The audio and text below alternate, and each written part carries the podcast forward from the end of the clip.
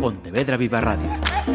Cara a cara. Damas y caballeros, la Asociación de Directores de Informativos de Radio y Televisión da la bienvenida. A Filippo Troiano. Tenemos un cara a cara, unas conversas, porque estamos más de dos personas, un podcast que yo creo que va a ser muy, muy, muy especial por la historia que entraña. Comienzo con una pregunta. ¿Qué le hace a un ciudadano romano coger un avión y venir a una ciudad que desconoce totalmente? Esa ciudad a la que viene es Pontevedra y viene en busca de una persona, de una mujer. Su protagonista tiene un nombre propio, lógicamente. Es Filippo Troiano. Bienvenido. Grazie, grazie di questo invito. Y como veis, nos habla en italiano. Y para eso ha conseguido mm, que volvamos a llamar a una persona que ya ha estado muchas veces en estos micrófonos, que es Francesco. Bienvenido. Hola, buenos días. Francesco nos va a ayudar a poder entender perfectamente la historia que ha traído a Filippo a Pontevedra. ¿Me, ¿me entiendes, Filippo? Sì, sì, capisco. Filippo es actor y fotógrafo. Confermo. y estamos grabando esto a pie de viernes 10 de noviembre y ayer, jueves, llegó aquí a España, marcha mañana sábado, ha colocado aquí muy cerquita de Pontevedra Viva un enorme cartel en el que dice lo siguiente. La foto ya habla por ella misma. El texto dice, buenos días, soy Filippo Troiano, fotógrafo de Roma, y estoy intentando ponerme en contacto con la señora Carmen del Valle, restauradora originaria de Pontevedra, que fue colega del mismo Instituto de Restauración de Roma que mi madre, María Antonieta Giorini. Gorini. Gorini, en los años 1960. ¿Puedes ayudarme a encontrar sus datos de contacto? Necesitamos tu ayuda en un proyecto documental. Gracias. Y seguidamente da un correo electrónico de contacto. Oh, Filipo, mm, estás buscando a Carmen del Valle, que fue compañera de tu madre y el origen de todo eso está en esta foto. Cuéntame, por favor. Esattamente. In realtà eh, Carmen del Valle non è stata collega di mia madre perché mia madre ha cominciato a lavorare nello stesso istituto pochi anni dopo che la signora Carmen era stata lì per studiare restauro. En realidad, la señora eh, aquí, de consecuencia de se habla, no, e- no fue colega de su madre, pero su madre inte- eh, con- trabajó en el mismo instituto de esta señora del Valle. Perfecto. Pochi anni dopo, due o tre anni dopo che la signora del Valle era venuta in Italia per studiare restauro. Dos o tres años después que vine en Italia a resu- a- para estudiar el restauro. O sea que eh, Carmen marchó a Roma en los años 60 a estudiar restauración. Carmen del Valle, da quello che ho potuto ricostruire, arrivò a Roma nel 67 come allieva dell'istituto. Eh, eh, Se entendió perfectamente. Carmen del Valle llegó a Roma en el 67 como nivel del instituto, como estudiantesa. Ujú. Dopodiché è tornata in Spagna ed è diventata una importantissima restauratrice. alrededor en España se, eh, quedó como una importantísima, muy, muy conocida restauradora. Y el interés, ¿por qué? Perché c'è questo interesse nel cercarla? perché la fotografia di questa donna racchiude un mistero, un mistero che io ho scoperto nel 2009. La foto in sé misma eh, recoge un mistero, un- algo misterioso che Filippo descubrió nel 2009. Il fatto di essere figlio di una restauratrice, oggi in pensione, mia madre, mi ha permesso negli anni di frequentare l'istituto del restauro e di poter stare in una posizione privilegiata e anche scomoda dietro le quinte di ciò che succede nei- spesso nei restauri di grandi dipinti. Essendo la la madre una restauradora, e non tuve la possibilità di stare in, in contatto con gente eh, che gli possono svelare segreti, perché questi segreti stanno detrás di de, de tutto il lavoro che non, no, non molte persone conoscono. Nel 2009 io sono stato invitato da una collega di mia madre che stava lavorando su un famoso quadro di Caravaggio che si trovava a Roma, arrivato dalla Francia, dal museo di Nancy, per un'importante mostra che nel 2010 c'è stata in Italia 4, per il quattrocentesimo anniversario della morte di Caravaggio. Nel 2009 fu invitato eh, de, da una collega di mia madre. Da una collega de, della madre mm-hmm. a una mostra che... A un restauro. A un, un restauro, restauro di un quadro di Caravaggio che fu esposto nel 2010 in un anniversario, anniversario dei 400 anni. Durante quella giornata in cui io feci delle fotografie a queste restauratrici che lavoravano sul dipinto di Caravaggio, questa restauratrice molto importante era la referente per tutti i restauri in Italia dei dipinti di Caravaggio. Durante questa giornata. Durante questo giorno della, mm. noi delle foto e, e, eh, la restauradora che è molto famosa e che è molto importante di tutti i dipinti di eh, Caravaggio. In un momento di pausa eh, mi fece vedere un dossier. In un momento di pausa, di descanso, gli mostrò un dossier. Mm. Dentro questo dossier c'era una fotografia di una donna molto bella con un velo in testa insieme a un gruppo di restauratori sotto al dipinto. Nell'interiore di questo este dossier stava una foto di questa mujer bellissima, molto bonita, dove eh, stava debajo de, de un dipinto. Con tutti i restauratori. Mm-hmm. Con tutti i restauratori. Io domandai perché questa donna è vestita come la, la Vergine del dipinto. E domandò perché questa mujer vestia come la Virgen de, che stava dipinta nel quadro. Mm-hmm. E lei mi rispose, è quello che ci stiamo chiedendo anche noi, ma è meglio se chiudiamo il dossier e continuiamo a lavorare. La restauratore contestò che era meglio eh, continuare lavorando e cerrare il dossier perché nadie sabía ello. Eh, es un misterio entonces, todavía. Allora, un, ancora oggi è un mistero. Sì, nel 2018 l'Istituto del Restauro ha pubblicato un libro. Nel 2018 l'Istituto del Restauro pubblicò un libro. Un libro con la storia di tanti restauri fatti in quasi 100 anni a Roma. Un libro che racconta la storia di quasi 100 anni del restauro hecho in Roma. Uh-huh. In una pagina c'è la foto che io ho ho preso e con la quale ho fatto il poster e ho attaccato nella strada principale di Pontevedra. In, una hoja stava l'immagine di questo poster che lo pubblicò qui in Pontevedra. Con una piccola didascalia. Con una piccola didascalia. La e... modella, l'allieva, la studentessa Carmen del Valle, allora isti- eh, studentessa dell'istituto, posa per il restauro del quadro di Caravaggio. Questa eh, scritta che de, diceva che la signora del Valle fu un modello del restauro del quadro di Caravaggio. Uh-huh. Estás hablando del cuadro de la Anunciación de 1609. 8 o 9, uno degli ultimi due dipinti di Caravaggio.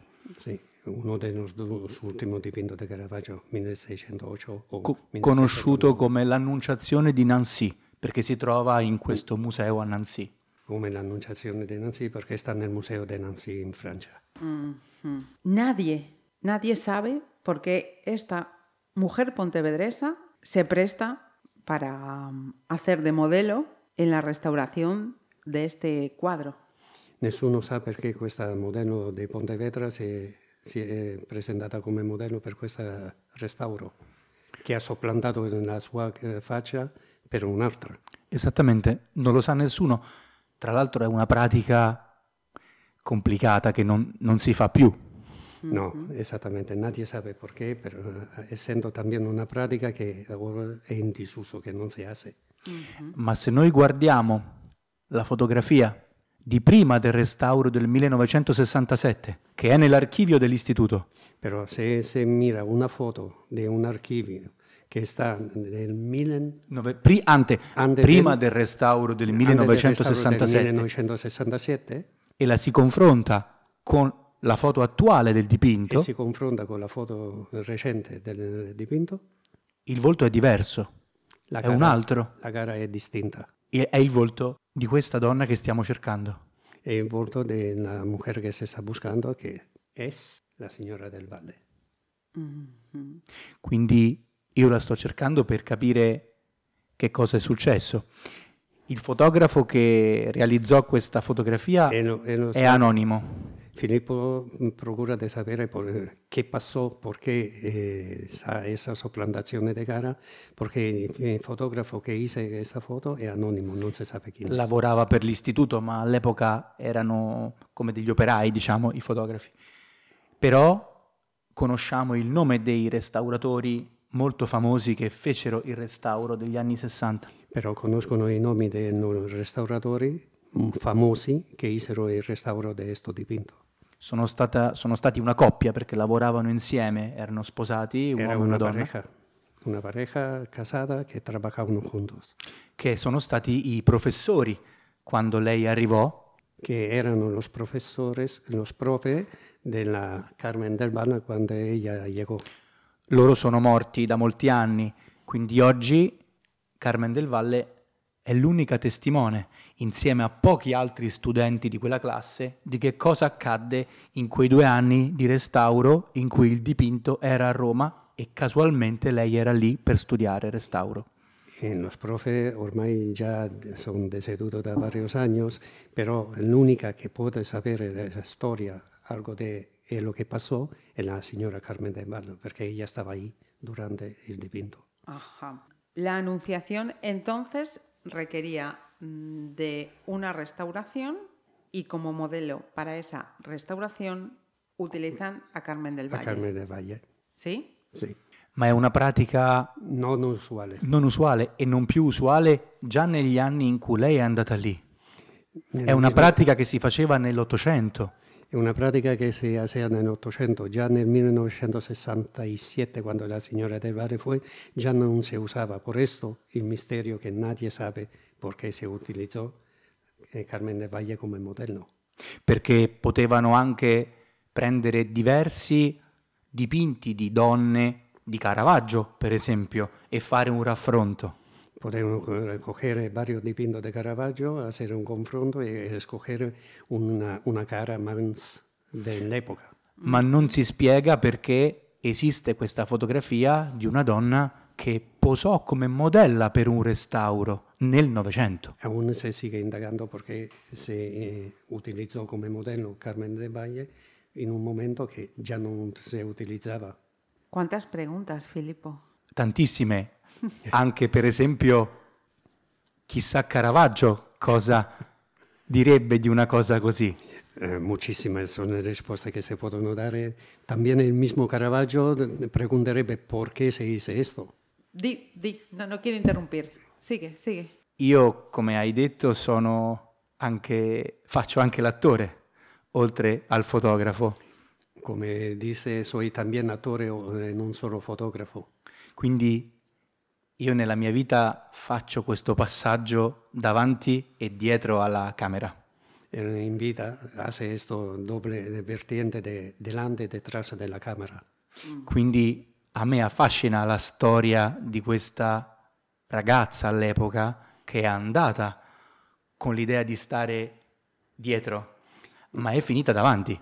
Me affascina la historia de una mujer que se fue a, estu- a estudiar en Italia y que al improviso diventó una protagonista. Sin, sin duda. Perché? A chi è venuta quest'idea? Porque de qué fue la idea Dei restauratori? de los restauradores o di lei stessa. o una propuesta de la misma Carmen de Valle. Il museo di Nancy, quando vide tornare il dipinto diverso, El Museo de Nancy, cuando vide que eh, el dipinto era diferente, cosa, cosa disse? Andava bene? Come spiegarono questa motivazione? lo aceptó y de eso una explicación diferente. E perché solamente nel 2018 viene pubblicata questa foto?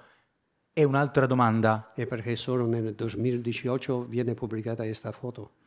e perché Anna Marcone, la collega di mia madre, esperta di Caravaggio per l'Italia, chiama un fotografo amico esterno che si occupa di cinema, di altre cose e confida questa- questo segreto. E perché Anna Marconi, che è un'esperta eh, delle más famose in Italia su Caravaggio, chiama un fotografo esterno, in, que- in questo caso a Filippo, e gli confida questo misterio. Si vas consiguiendo despejar o conseguir mm, respuestas, ¿cuál es tu idea, Filipo? ¿Qué quieres hacer con, con toda esta historia? Se consigue despegare algo di misterio, di risolvere anche di misterio, qual è il tuo scopo? Che, che- eh, che vuoi fare? Está sonriendo. Io posso permettermi di giocare. E, e mi posso permettere di giocare. Io non sono un restauratore, No, è non un sono restauratore. un fotografo che lavora, in questo caso per il giornalismo, non lavoro per un tribunale. No- non lavoro né per periodico né per un tribunale. Questa per me è una ricerca di arte che significa condividere con le persone, con gli altri. Oggi un segreto che qualcuno mi ha, da- mi ha detto, mi ha- mi ha raccontato, ma È un segreto che se va a condividere con tutte le persone, ma che ha al monte una riflessione, ha a monte una domanda. però al monte di tutto sta una domanda, una pregunta. Che cosa facciamo quando ci viene lasciato qualcosa in eredità? Che facciamo quando ne dejano algo in eredità? eredità? Perché il restauratore, nella sua formazione, deve conservare. Il restauratore nella sua formazione tiene che conservare, L'artista, invece, trasforma. l'artista lo trasforma. Ma tutto quello che ad oggi ci è arrivato dal passato, ci è arrivato su continue trasformazioni. Ma tutto quello che ne llegò dal passato ne llegò già con trasformazioni. continue trasformazioni. Io credo che sia stata fatta una appropriazione particolare. Credo che se- è- è stata fatta una eh, appropriazione particolare. Qualcuno potrebbe accusare questo restauratore di essersi creduto Caravaggio. Alguien podría, podría acusar al, al restauratore del cambio hecho per crederse persona che non era, tipo Caravaggio. I restauratori spesso nascono come pittori, Los restauradores muchas veces nascono come pintores, come artistas. ma guai a dire a un restauratore che è, che è creativo. Però un restauratore nunca può essere creativo. Tiene Non che si rispettare- considera. Tiene che rispettare El l'originale. original. Deve entrare nella testa, nello stile, nel pensiero dell'artista e tramandarlo. Tiene che entrare nel pensiero, nella cabeza dell'artista e tramandare e no che se mira realmente.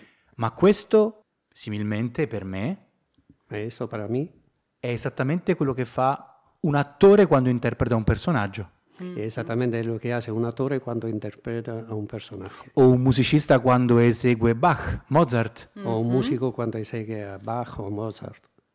È solo una questione di termini, di parole Sono una questione di terminos, paro- palabras, o c'è qualcosa di molto più profondo? o tiene algo di molto più profondo. Che cosa è stato chiesto a questa donna veramente in quei giorni? Che gli fu pedita a questa mujer in questo día, Un'interpretazione attoriale. una interpretazione tipo di attore? Questa è la pregunta.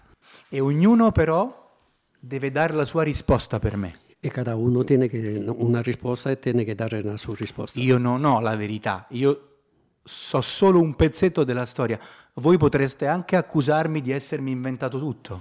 Io non tengo la verità, è solo un- una parte della sto- storia. Vosotros mi potete accusare di avermi inventato tutto, che è tutto un bulo. Yo mm, confío plenamente en Filipo porque ¿quién si no se embarca en una aventura como en la que está metida él ahora, ¿no? Eh, Marisa confia pienamente in te perché dice se no chi è che si mette in un'avventura così se non c'hai il motivo e c'hai base. Mia madre mi ha detto Perché vuoi screditare l'istituto del restauro più importante d'Europa? Mi madre me dice por qué quiere dar eh, descrédito a este instituto que es uno de los más importantes de Europa. Hai un problema con me? ¿Tiene un problema conmigo? No, anzi, No. però a me interessa che con questa storia ci chiediamo anche, ogni volta che siamo di fronte a un'opera in un museo, che cosa sto vedendo? Pero a mí me interesa el fondo detrás de esa historia que cada uno se pregunta siempre cuando está en un museo o una obra, ¿qué tiene detrás? ¿Qué tengo enfrente? Cosa mi stanno mostrando? ¿Qué me quiero no mostrar? Perché l'arte è politica, El arte es política, è economia, es economía.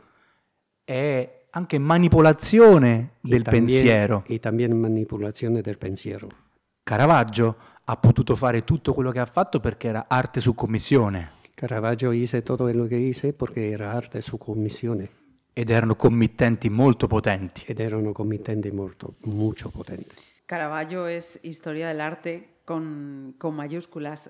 Que tú sepas, no hay otra mm, réplica, copia de la Anunciación, salvo la que está en este museo. Che tu non sappia, eh, non c'è un altro quadro, un'altra replica o un altro dipinto eh, a parte di quello che sta eh, nel museo. Ad oggi no, Hasta ora no. non ci sono credo neanche degli studi. Ni tampoco credo che sta degli studios. È un dipinto anche poco conosciuto questo. È un dipinto non tan famoso. Mm-hmm. tampoco. Alcuni studiosi attribuiscono anche delle parti del dipinto a dei suoi allievi. Alcuni stu- studiosos eh, attribuiscono parte del dipinto ad allievi di Caravaggio. En estas horas que estás en Pontevedra, has eh, colocado estos mm, carteles enormes, In questi giorni che sei a Pontevedra hai messo dei cartelli enormi. marchas, pero tienes intención de, de volver Te ne vai, però c'hai intenzione di tornare Sì? para seguir buscando. per seguire eh, eh, cercando. Sì, sì, la, la voglio trovare. Sí, claro, la quiero La voy a buscar. eh, encontrar. La voy a encontrar, la quiero buscar. Mm. Ah, vale, ¿ves? Poi io di questa donna conosco solamente il profilo sinistro. Pero eh, de esta mujer se con- se conoce solo el perfil izquierdo Un profilo sinistro del 1967. del 1967. Quindi mi chiedo chi sto cercando veramente. Eh, eh, per, per eso me pregunto, ¿a quién es que estoy buscando? ¿Has conseguido acercarte algo, algún dato más?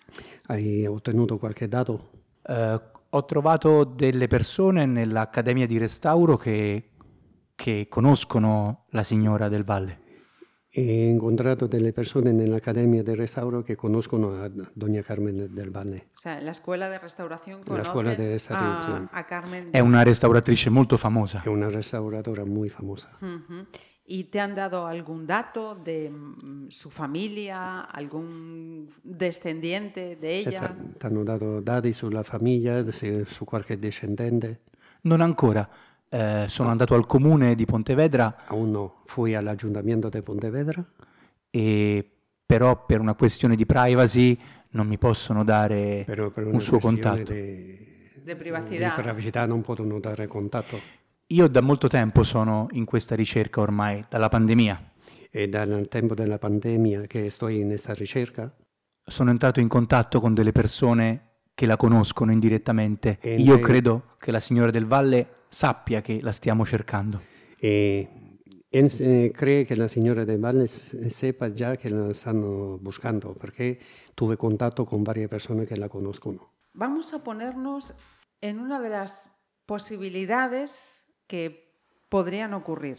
Mettiamoci in una possibilità che potrebbe succedere. Carmen del Valle está viva, sigue viva.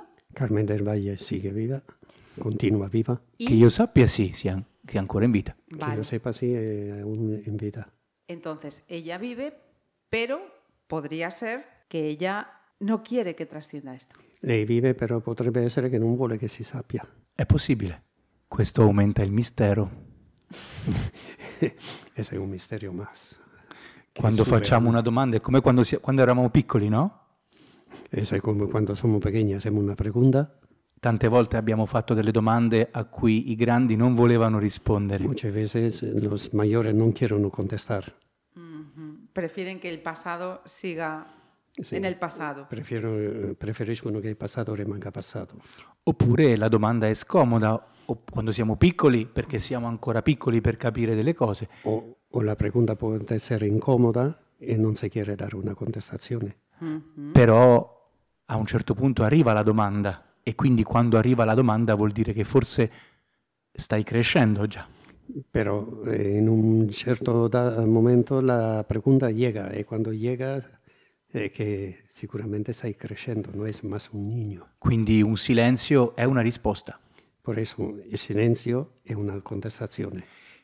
e ci porta sulla strada dell'invenzione, perché se la signora Carmen non vorrà rispondere, ognuno di noi dovrà trovare una, ris- una risposta, perché la domanda c'è Por eso ne- eh, llega en un camino donde la- se no contesta, eh, a cada uno se hace una su idea porque no contesta. A ti, Filipo, ¿qué te dice el, el- aquí en España se dice que El ¿qué estómago. te dice sí?